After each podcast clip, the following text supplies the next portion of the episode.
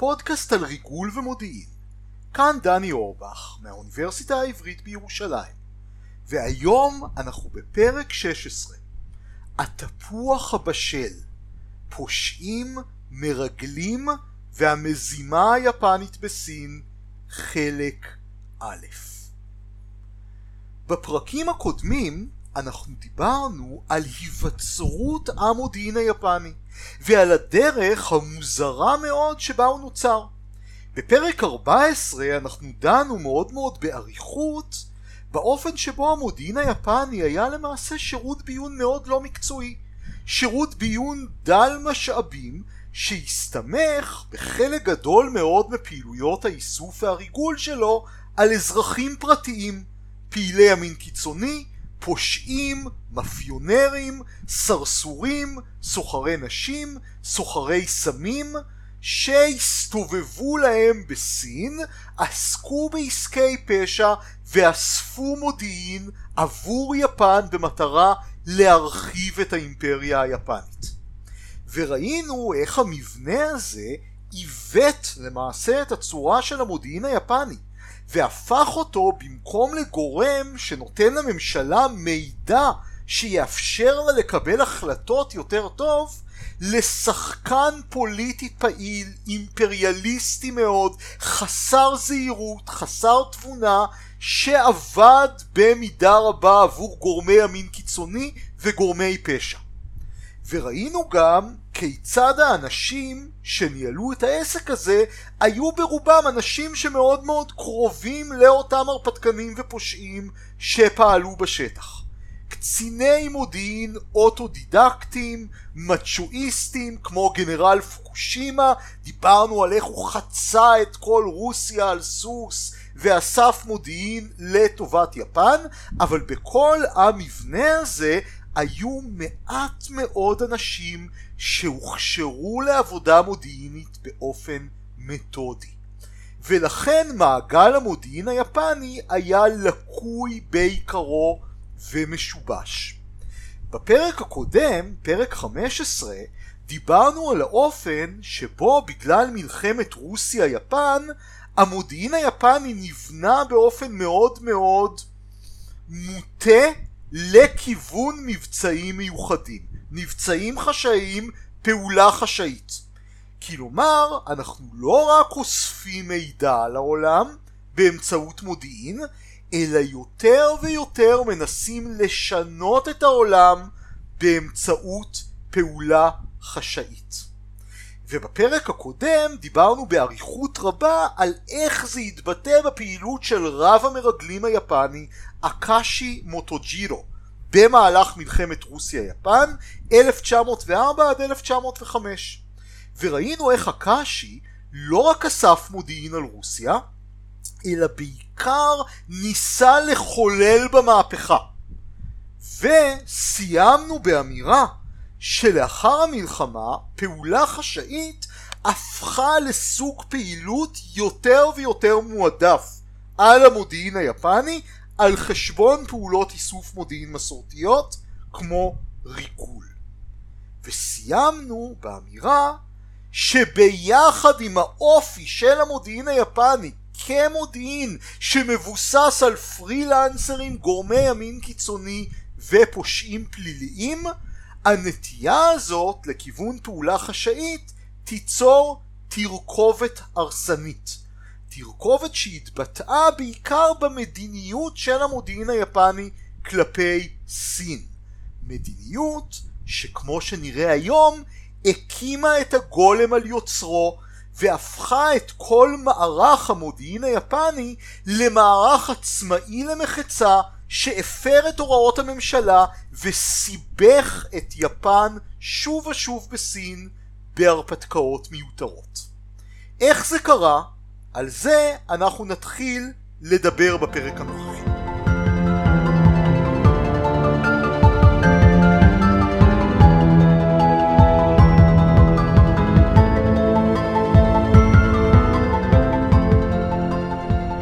שאנחנו מדברים על המזימות של המודיעין היפני בסין, שווה לומר כמה מילים על המצב הבינלאומי במזרח הרחוק באופן כללי אחרי מלחמת רוסיה-יפן. התוצאה הישירה והמיידית של מאבק האיתנים בין יפן ורוסיה, שדיברנו עליו בפרק הקודם, הוא שיפן מקבלת את קוריאה לעצמה. ובשנת 1910 יפן מספחת את קוריאה אליה, וקוריאה מתמזגת בתוך האימפריה היפנית. השאלה הבאה שעומדת על שולחנם של מקבלי ההחלטות וקציני המודיעין היפנים זה מה לעשות עם מנצ'וריה. מנצ'וריה זה השטח בצפון מזרח סין שגובל עם קוריאה, שטח ענק, פראי, קר מאוד, מלא הרים ונהרות ויערות עד, גובל הן עם קוריאה, הן עם סין היבשתית, הן עם רוסיה. כלומר שטח מאוד אסטרטגי שנמצא במשולש הגבולות בין שלוש אימפריות. אימפריית צ'ינג השוקעת, האימפריה הסינית, האימפריה הרוסית שהפסידה ב-1905 במלחמה ליפן, והאימפריה היפנית. יפן לא קיבלה את כל מנצ'וריה אחרי מלחמת רוסיה-יפן. היא קיבלה חלק מסוים בדרום מנצ'וריה ישירות שעבר עליה בהחכרה, החלק הזה נוהל על ידי רשות יפנית שנקראה הממשל הכללי. יפן קיבלה מסילת רכבת מאוד מאוד משמעותית שחוצה את מנצ'וריה מדרום לצפון מהעיר האסטרטגית פורט ארתור עד לעיר חרבין בצפון מנצ'וריה, יפן מקבלת שליטה על מסילת הרכבת ועל השטח שמסביבה, לפעמים זה אומר שיפן שולטת על שכונות שלמות בתוך ערים סיניות רק כי המסילה עוברת דרכה. הסיכום של התסבוכת הזאת הוא כדלהלן. לאחר מלחמת רוסיה-יפן, יפן שולטת בחלקים של דרום מנצ'וריה, רוסיה עדיין שולטת בחלקים של צפון מנצ'וריה, והסינים שולטים בכל השאר. אבל בעיני יפן, מנצ'וריה הייתה שטח מאוד חיוני להגנה האסטרטגית שלה. ראינו שכמה מהקרבות הקשים ביותר במלחמת רוסיה-יפן היו על השטח הזה של מנצ'וריה ויפן רואה בזה שטח שנקנה בדם ודמעות שטח שמהווה סוג של חגורת הגנה על קוריאה שהיא עכשיו חלק מהאימפריה ועל יפן עצמה. כלומר היפנים כל הזמן מחפשים להרחיב את השליטה שלהם במנצ'וריה למרות שרשמית הם שולטים רק על חלק קטן ממנה, ורוב מנצ'וריה עדיין שייכת לסין. ובצמרת היפנית נוצר ויכוח, מה לעשות במנצ'וריה? ויותר מזה, האם להתרחב לשטח שנמצא ממערב למנצ'וריה ונקרא מונגוליה הפנימית, שטח שגם כן שייך לסין. והוויכוח הזה ביפן מה לעשות במנצ'וריה ומונגוליה הפנימית? האם להסתפק במה שיש? האם לכבוש עוד שטחים? האם לשלוט במנצ'וריה ישירות? האם לעשות את זה באמצעות משתפי פעולה סינים? מה עושים מול רוסיה? מה עושים מול מונגוליה? כל הוויכוח הזה ביחד נקרא ביפן הוויכוח על מנצ'וריה ומונגוליה הפנימית. מנצ'וריה ומונגוליה הפנימית ביפנית בקיצור זה מנמו ולכן הבעיה הזאת נקראה הבעיה של מנמו. ובוויכוח הזה מה לעשות במנמו? האם להיות יותר אימפריאליסטים ולהתפשט הלאה ולכבוש עוד שטחים על חשבון סין? או האם להיות יותר זהירים ולהסתפק במה שיש? בוויכוח הזה המודיעין היפני ובעלי הברית שלו, ההרפתקנים הקונטיננטליים, אותם פושעים ופעילי ימין קיצוני שהיוו את חוט השדרה של הפעילות היפנית במנצ'וריה, המודיעין היפני וההרפתקנים פעלו ביחד כדי להקצין את המדיניות כמה שיותר וכדי להרחיב את שטח השליטה היפני במנצ'וריה. עוד דוגמה לתופעה שאנחנו חוזרים ורואים בכל מהלך הדיון שלנו ביפן. המודיעין היפני, הביון היפני, השירות החשאי היפני הוא לא גורם אובייקטיבי שמוסר לממשלה מידע כדי לאפשר לה לנהל מדיניות מושכלת יותר, אלא המודיעין היפני הוא שחקן פוליטי שמזוהה עם החוגים הכי ניציים ביפן ועם הימין הקיצוני.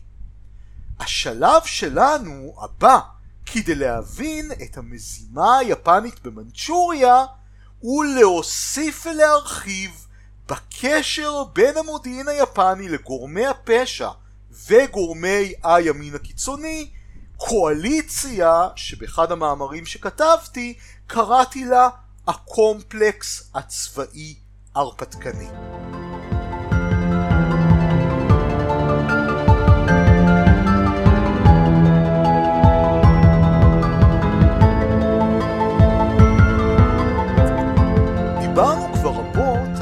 שבו המודיעין היפני לא היה יכול להסתמך על אנשיו שלו ונאלץ להסתמך על פושעים והרפתקנים קונטיננטליים. אבל כרגע אני רוצה לעשות לכם zoom in לתוך עולם הצללים היפני ולהראות לכם איך אותו השילוב, אותו קומפלקס צבאי הרפתקני עבד בפועל. ראשית כל הייתה את הממשלה. כביכול הממשלה היפנית בטוקיו אמורה להכתיב מדיניות לצבא ולמערך המודיעין. בפועל לממשלה הייתה שליטה מאוד מוגבלת על הצבא ובוודאי שליטה מאוד מוגבלת על מערך המודיעין. מדוע? מכיוון שהחוקה היפנית קבעה שהצבא לא כפוף לממשלה ישירות, הצבא כפוף ישירות לקיסר. לכן הממשלה הייתה יכולה להתייעץ עם הצבא, אבל היה לה קשה לתת הוראות ישירות לצבא, בוודאי שהיה קשה לה לתת הוראות ישירות למערך המודיעין. מי שממונה על המודיעין בצבא היפני הוא לרוב סגן הרמטכ"ל.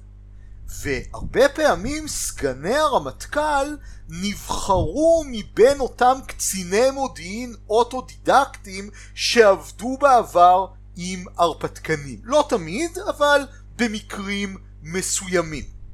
מתחת לסגן הרמטכ"ל, החל בשנת 1908 פועלת מחלקת מודיעין במטה הכללי. גם ראש מחלקת מודיעין שאומנם כפוף לסגן הרמטכ"ל, אבל סגן הרמטכ"ל לא תמיד מפקח עליו, נוטה להיות קצין מודיעין אוטודידקטי מהסוג של פוקושימה שדיברנו עליו, שרגיל לעבוד עם הרפתקנים בפעולה חשאית, נוסח מה שקרה במלחמת רוסיה-יפן. מחלקת מודיעין מפעילה קציני מודיעין מקצועיים שההתמחות שלהם היא בזירה הסינית בערים שונות בסין ובמנצ'וריה.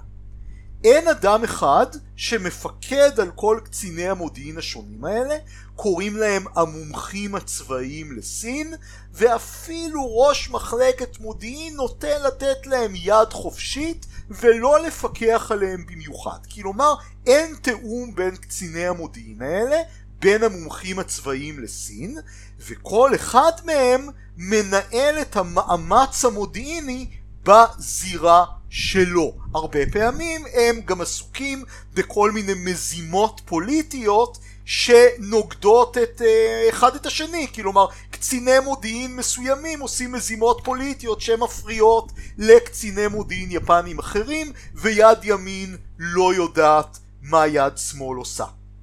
אותם קציני מודיעין עובדים בשטח עם הרפתקנים קונטיננטליים וגם אין תיאום בין אותם הרפתקנים ופושעים בינם לבין עצמם. שני דברים שאתם כבר עכשיו צריכים לדעת על המערכת הזאת והם מתכתבים עם דברים שדיברנו עליהם קודם בפודקאסט ראשית כל המערכת הזאת אף אחד לא שולט בה. אני מדגיש שוב, יד ימין לא יודעת מה שיד שמאל עושה. והאמת, זה מכוון. למה זה מכוון?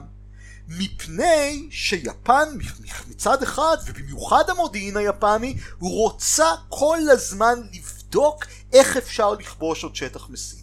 איך אפשר להתרחב על חשבון סין, במנצ'וריה ובמקומות אחרים. מצד שני, יפן עדיין פוחדת ממעצמות המערב, שיש להם הרבה מאוד אינטרסים בסין.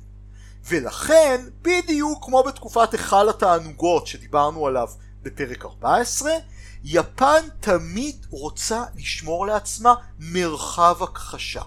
מה שקוראים באנגלית plausible deniability. הרעיון הוא שאם משהו מצליח אפשר לכבוש עוד שטח, אפשר לנצל אותו, אבל אם מזימה נכשלת תמיד הדרגים העליונים יוכלו לומר שהם לא ידעו מה שעושים הדרגים שמתחתיהם. הממשלה יכולה לומר שהצבא פעל על דעת עצמו. סגן הרמטכ"ל יכול לומר שהוא לא ידע על התוכניות של מחלקת מודיעין כי לרוב לא דיווחה לו. מחל... ראש מחלקת מודיעין יכול לומר מצידו אני לא ידעתי מה כל קצין מודיעין עושה בסין הם הרי פועלים באופן עצמאי במקרה הכי גרוע נפטר כמה מקציני המודיעין האלה ונעניש אותם וקציני המודיעין כמובן פעלו בשטח באמצעות הרפתקנים קונטיננטליים ופושעים האנשים האלה הם בכלל אזרחים פרטיים ותמיד אפשר להתכחש למה שהם עושים. המערכת בנויה באופן שיאפשר לכל דרג להכחיש את מה שעשה הדרג שמתחתיו. ולכן מיודענו פוקושימה יסומאסה, סגן הרמטכ"ל ב-1912 ואחד מאבות המודיעין היפני, אמר שזה רע מאוד לשים קצינים בקדמת הבמה. הם צריכים להיות מאחורה ולהאציל סמכות למשהו קרה סוחרים. בפועל הוא התכוון לאנשי עסקים והרפתקנים.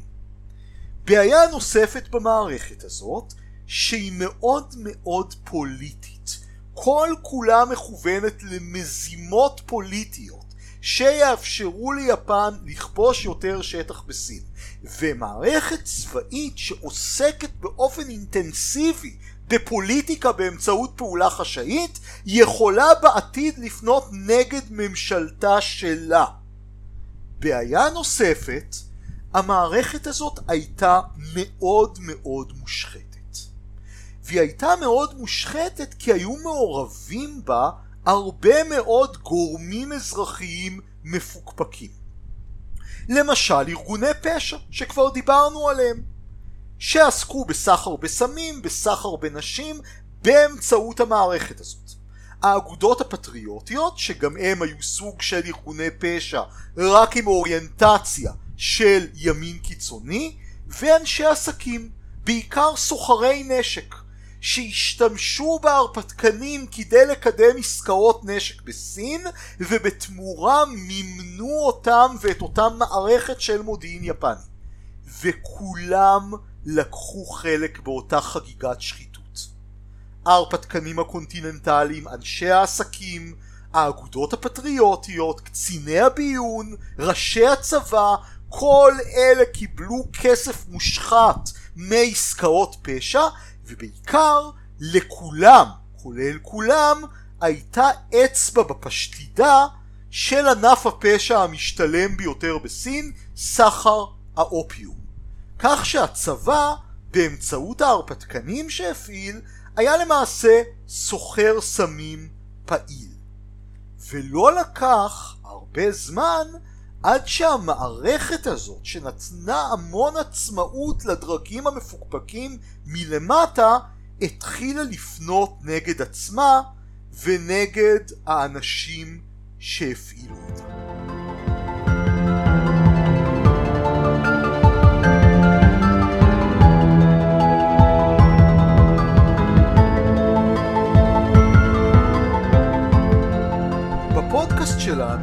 סוכן משולש אנחנו מנסים לא רק לתאר אירועים היסטוריים, אלא גם להיכנס לעומק לבעיות שמאפיינות את עולם הריגול והמודיעין, את עולם הצללים. וגם פה, המבנה הזה, המוזר והרעוע של המודיעין היפני, משתלב בבעיה יותר כללית. בעיה שנקראת בעיית מנהל סוכן. בעיית מנהל סוכן מוגדרת באופן הבא סוכן שנשלח על ידי מנהל או ממונה לבצע משימה מסוימת אבל פועל למען האינטרסים שלו על חשבון האינטרסים של אלו ששלחו אותו. כדי להבין בעיית מנהל סוכן יותר לעומק בואו נחשוב למשל על משרד ביטחון ששולח קצינים לרכוש נשק עבור המדינה בחו"ל. והקצינים האלה לאט לאט לומדים שהם יכולים לקבל שוחד שמן מחברות שמוכרות נשק במדינות זרות. ולכן הם קונים עבור הצבא שלהם לא את הנשק הטוב ביותר אלא נשק מחברות שנתנו להם שוחד. כלומר הסוכן לא פועל למען האינטרסים של המנהל אלא למען האינטרסים של עצמו. והבעיה הזאת יכולה להתרחש גם ברמה היותר כללית של ניהול מדינה. היסטוריונים של סין המודרנית למשל אומרים שמכיוון שלמדינה הסינית הרבה פעמים לא היה כסף ולא היה משאבים מספיקים כדי לשלוט בכל אזור ואזור ולכן היה נוח לממשלה לעבוד עם כל מיני סוכנים בשטח, לרוב כל מיני בריונים, אנשי אגרוף ובעלי כוח מקומיים בכפרים. האנשים האלה חסכו משאבים לממשלה מכיוון שהם ידעו איך לנהל את השטח, אבל יותר ויותר הם פעלו למען האינטרסים של עצמם, ניצלו משאבי מדינה לרעה למען אינטרסים פרטיים, ויותר מזה, הם השחיתו את סוכני המדינה שבאו איתם במגע. מפני שסוכני מדינה שרגילים לעבוד עם פושעים ומאפיונרים, בסופו של דבר מתחברים חברתית, נפשית, פסיכולוגית, כלכלית לאותם פושעים ומאפיונרים יותר מאשר לממונים עליהם בדרגים הגבוהים של המדינה. ולא קשה לנו לדמיין איך מהשלב הזה כמו גביש שמתפשט, נוצרים לנו גושי שחיתות הולכים וגוברים של אנשי כוח מקומיים וסוכני מדינה שבאים איתם במגע ומושחתים על ידיהם והמדינה למעשה, או מי שעומד בראש המדינה, הולך ומאבד שליטה על חלקים גדולים והולכים של המערכת. ולא קשה להבין למה הדבר הזה בדיוק התרחש במערך המודיעין היפני? שהיה רגיל לעבוד עם הרפתקנים ופושעים ברמת השטח. ובדיוק כמו במודל התאורטי אותם הרפתקנים ופושעים השחיתו את הקצינים שבאו איתם במגע. המנטליות של קציני המודיעין היפני, שוב נחזור על זה, נטטה להיות מאוד דומה למנטליות של ההרפתקנים. כמו ההרפתקנים, הם החזיקו בדעות אימפריאליסטיות קיצוניות. כמו ההרפתקנים, הם אהבו משימות פוליטיות. אפילו כמו ההרפתקנים, הם נהגו, קציני המודיעין, להתלבש בבגדים מלוכלכים, להיות אלכוהוליסטים, כלומר להפוך לפושעים בפועל. והרוח של ההרפתקנים הייתה רוח מאוד חופשית. של פעולה עצמאית, של אי ציות, ולכן קציני מודיעין נטו להיות מאוד מאוד מרדניים ולא צייתניים כלפי הדרגים שמעליהם. הבלגן של המודיעין היפני בסין הפך להיות מאוד מאוד משמעותי מבחינה פוליטית ומדינית אחרי שנת 1911. בשנת 1911 יש מהפכה בסין. השלטון הקיסרי של שושלת שינג נופל וסין הופכת לרפובליקה. אבל הרפובליקה הזאת לא מחזיקה באמת מעמד, היא קורסת, והשטח הסיני בפועל מחולק בין ברוני מלחמה שונים, כלומר שליטים מקומיים. ומערך המודיעין היפני יותר ויותר מנסה לעשות הפרד ומשול בין אותם ברוני מלחמה. ובאמצעות מזימות פוליטיות להפוך חלק מאותם שליטים סינים מקומיים לבובות של יפן כדי להשתלט על יותר שטחים. היפנים עובדים גם עם בדלנים, בעיקר בצפון סין. בצפון סין יש גורמים מנצ'ורים, מונגולים, שלא מבינים אחרי המהפכה מה יש להם לעשות במדינת לאום סינית? הם הרי לא סינים. הם היו נאמנים לקיסר צ'ינק, הם לא נאמנים למדינה סינית. ולכן גורמים בצבא היפני ובמודיעין היפני חושבים, רק רגע, אנחנו יכולים לעבוד עם חלק מברוני המלחמה הסינים, חלק מהשליטים המקומיים, חלק מהבדלנים, כדי ליצור מדינות בובה במנצ'וריה ומונגוליה הפנימית שיישלטו על ידי יפן. והתוכנית הזאת הולכת ולובשת צורה עם העלייה לגדולה של אדם מאוד משונה. הרפתקן קונטיננטלי בשם קוואשימה נאניווה. קוואשימה היה סוג של הרפתקן סלב אדם שבאמצעות הכריזמה שלו הצליח לשלוט על חלקים גדולים של אותו הקומפלקס של הרפתקנים וקציני ביון. קוואשימה מעולם לא היה עובד מדינה. כמו ההרפתקנים, הוא היה פרילנסר שעבד מיוזמתו עם הצבא. הוא נולד ב-1865 במחוז נגאנו, מחוז מאוד הררי של יפן. מילדותו קוואשימה סלד מתרבות מערבית, סלד ממדינות המערב, והאמין שיפן על אפן ועל חמתן של מדינות המערב צריכה לכבוש לעצמה אימפריה באסיה. הוא מגיע לסין, פועל בסין כהרפתקן, עוסק גם הרבה מאוד בעסקי הברחת הסמים ועסקי פשע אחרים וקושר קשרים מאוד מאוד אמיצים עם הצבא והמודיעין היפני מחד ועם נסיכים משושלת שינג הסינית מאידך. כששושלת שינג מודחת ולמעשה גולה למנצ'וריה, סין עצמה הופכת לרפובליקה קוואשימה חושב על רעיון. האם אולי אפשר לקחת את השושלת הקיסרית שהודחה מסין, להשתלט על מנצ'וריה ולהקים שם מדינת בובה מנצ'ורית בראשות שושלת צ'ינג. והרעיון הזה נראה בהתחלה רעיון מאוד הזוי. אבל המערכת הזאת שדיברנו עליה של הקומפלקס של ההרפתקנים ואנשי הצבא מתאימה במיוחד לקדם רעיונות הזויים מכיוון שיש המון המון חופש לדרגים הנמוכים ואותם קציני מודיעין ממילא מסתובבים עם ההרפתקנים כמו קוואשימה ומושפעים מהרעיונות שלהם דבר מאוד מעניין על קוואשימה, שאני רוצה לומר לכם כבר בשלב הזה, זאת הבת המאומצת שלו. קוואשימה היה אה, חבר מאוד טוב של אחד מנסיכי שושלת שינג המודחת, הנסיך סו. הנסיך סו. ובמהלך החברות שלהם, קוואשימה אימץ את אחת מבנותיו הרבות של הנסיך, וגידל אותה כיפנית.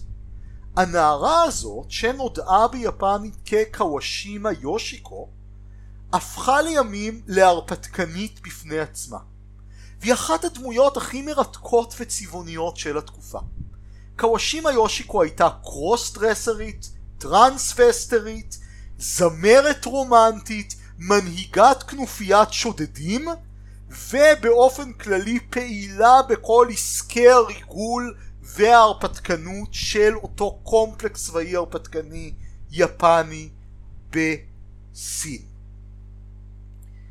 קוואשימה חושב שהרגע לפעול זה ראשית שנת 1912. הוא מתכנן לקחת את הנסיך סו ולהפוך אותו למנהיג של מהפכה אנטי סינית במנצ'וריה שתהפוך את כל השטח למדינת בובות בשליטת יפן. למזימה הזאת שותפים אנשי עסקים וארגוני פשע שחושבים לגזור קופון מכל הסיפור של השתלטות על מנצ'וריה. רק לגורם אחד קוואשימה לא טורח לספר על המזימה. הוא לא טורח לשתף במזימה את הממשלה היפנית.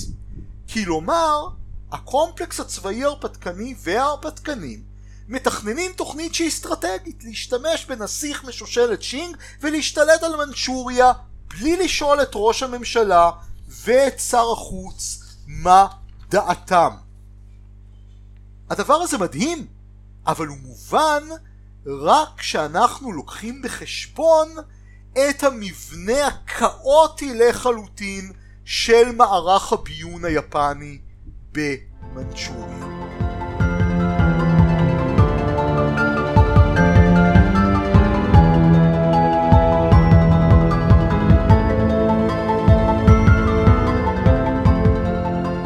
אבל שיתוף הפעולה עם נסיכים מודחים משושלת המלוכה הסינית לא מספיק בכדי להשתלט על מנצ'וריה.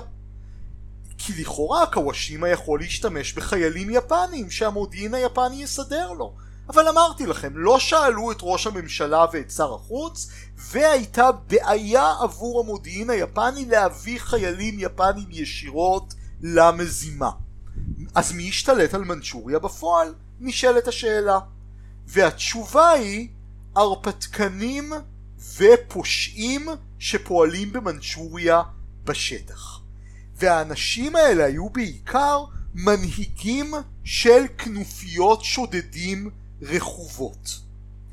אחד הנגעים בסין של אותה תקופה היו כנופיות שודדים רכובות על סוסים שחמסו, עשקו את האוכלוסייה ועשו צחוק מהצבא והמשטרה החלשים של המדינה המתפוררת. אותן כנופיות שודדים, בסינית קוראים לזה מאזוו, יפנית בזוקו, המשמעות היא שודדים רכובים, יש למושג הזה גם המון משמעות רומנטית. לרוב כללו כמה מאות אנשים, הם הורכבו במסגרת מעין צבאית למטרות ביזה. החברים בכנופיות האלה היו לרוב נוודים ואיכרים שאיבדו את האדמות שלהם או חיילים שערקו מצבאות סינים שונים של שליטים מקומיים של ברוני מלחמה. לפעמים אפילו עריקים רוסים הצטרפו לאותן הכנופיות וכמובן הרפתקנים ושודדים יפנים. חלק מההרפתקנים היפנים אה, למשל אדם שקרא לעצמו הדרקון הלבן הצטרפו לכנופיות שודדים סיניות.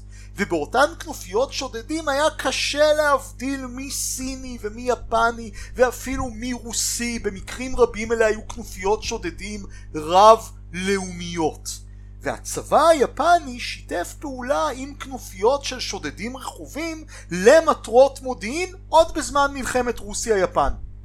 מי שקוואשימה קיווה שיספק לו עוד צבא זה בדלנים וכל מיני מנהיגי שבטים מונגולים שרצו להשתחרר מהשלטון הסיני. כלומר, קוואשימה קיווה שאותם גורמים סינים מקומיים הם כנופיות שודדים רכובים שחלקן הורכבו מהרפתקנים יפנים והן צבאות מונגוליים מקומיים יאפשרו לו להשתלט על מנצ'וריה ולהפוך אותה למדינת בובות יפנית. אבל התוכנית הזאת לא הייתה יכולה לצאת לפועל אלמלא ראשי הצבא שיתפו את הפעולה. והדברים אמורים בעיקר ראש מחלקת מודיעין במטה הכללי, גנרל אוצונומיה. עכשיו גנרל אוצונומיה, ראש מחלקת מודיעין, היה זהיר. והוא פעל באותה שיטה שאנחנו תיארנו קודם, שאפיינה את הקומפלקס הצבאי הרפתקני. אחת, שתיים, שלוש, ניסיון. לתת להרפתקנים לבצע איזה מזימה, אם יצליחו אותם הרפתקנים ושודדים להשתלט על מנצ'וריה עבור יפן וראש הממשלה יסכים בדיעבד וזה יעבור בשקט בקהילה הבינלאומית, אדרבה הרווחנו. אם לא, נוכל להתנער מההרפתקנים הללו במהירות. גם מחלקת מודיעין קשורה עם גורמים עסקיים שחושבים שהם יכולים להרוויח כסף מהשתלטות על מנצ'וריה. בימים הראשונים של שנת 1912 גנרל אוצונומיה נפגש עם איש העסקים מורי קקו, תומך ותיק של הקומפלקס, והשניים מסכמים לתמוך במזימה של ההרפתקנים להשתלט על מנצ'וריה ובכלל לממן מורדים בכל רחבי סין כדי ליצור כאוס.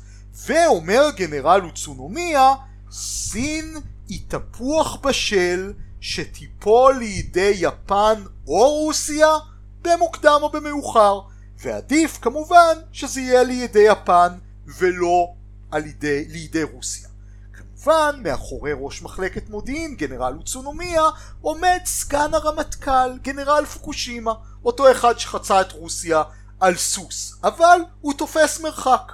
הוא נותן למחלקת מודיעין לפעול לבד, כדי שהוא יוכל להתכחש לה אם דברים יסתבכו, בדיוק כמו שמחלקת מודיעין בונה על זה שהיא תוכל להתכחש להרפתקנים אם דברים יסתבכו. ויש אנשי עסקים שמביטים על התוכנית הזאת ופשוט מזילים ריר.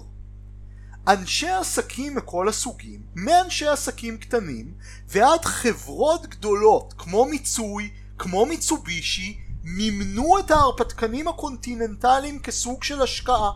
ההרפתקנים יפתחו להם שווקים בסין, ישיגו עבורם, יתווכו עבורם עסקאות נשק עם ברוני מלחמה, עם שליטים סיניים מקומיים, בתמורה לזה אנשי העסקים הללו מממנים את כל האופרציה. החברה שהייתה התומכת הנלהבת ביותר של המזימה היא חברה יפנית בשם אוקורה, חברה מאוד גדולה של סחר נשק. שקיוותה שבאמצעות הפעולה בסין היא תוכל להרוויח סכומים אדירים. למעשה הנסיך סו, שאמור להיות השליט של מדינת הבובות הסינית החדשה, אם המזימה תצליח, כבר ממשכן חלקים גדולים מהמדינה לחברת אוקורה ולחברות יפניות אחרות, נותן להם זיכיונות של קריאה וכל מיני דברים אחרים ששווים הרבה כסף. אז מבחינת חברת אוקורה ההשקעה במזימה היא השקעה מבטיחה. האירוניה היא, ואני אומר לכם את זה כמי שהצליח לעיין בספרי החשבונות ההיסטוריים של חברת אוקורה, שהם לא הרוויחו על זה ין אחד, הם בעיקר הפסידו. ההשקעה הזאת הייתה השקעה מאוד כושלת, אבל כמובן שהם לא יודעים את זה בזמן אמת. מי שעוד תומכת במזימה זאת חברת הרכבת הדרום מנצ'ורית. אמרתי לכם קודם שיפן שולטת במסילת רכבת מאוד חשובה במנצ'וריה ובשטחים שמסביבה. החברה שמנהלת את האופרציה בפועל היא חברה שנקראת חברת הרכבת הדרום מנצ'ורית, הקיצור ביפנית היא מנטצו, והחברה הזאת היא סוג של תמנון ענק. היא לא רק מפעילה את הרכבת, אלא גם מחזיקה מלונות, מסעדות, בתי חולים, בתי ספר, אוניברסיטאות, היא סוג של גוף חצי שלטוני, יפני, בחלקים של מנצ'וריה. וגם החברה הזאת מקווה להרוויח כסף ולשדרג את המעמד שלה באמצעות המזימה. למעשה קוואשימה וההרפתקנים מצליחים להעביר את הגייסות שלהם שודדים רכובים ממקום למקום במנצ'וריה באמצעות חברת הרכבת והם לרוב מאוחסנים, שודדים, בכל מיני הוסטלים או מלונות זולים שנשלטים על ידי חברת הרכבת הדרום מנצ'ורית. בינואר 1912 הכל היה מוכן למזימה. מחלקת מודיעין נתנה אישור בחשאי. קוואשימה נאניווה והנסיך סו חותמים על חוזים עם אנשי עסקים וגורמים מקומיים לתת להם זיכיונות תמורה לתמיכה במזימה. שימו לב לדבר המדהים הזה, קוואשימה חותם על חוזים בשם יפן בלי לשאול אף אחד. היחידים שלא יודעים על המזימה לכבוש את מנצ'וריה עבור יפן הם ראשי ממשלת יפן בטוקיו. מה יקרה כשהמזימה תצא לפועל בינואר 1912? על המזימה הזאת שנקראת תנועת העצמאות המנצ'ורית הראשונה ומהווה דוגמה מובהקת לאותו שיתוף פעולה בין אנשי מודיעין וגורמי פשע בפעולה חשאית אנחנו נדבר בפרק הבא של סוכן משולש. כאן דני אורבך מהחוגים להיסטוריה ולימודי אסיה באוניברסיטה העברית בירושלים. האזנתם לסוכן משולש ונתראה בשבוע הבא.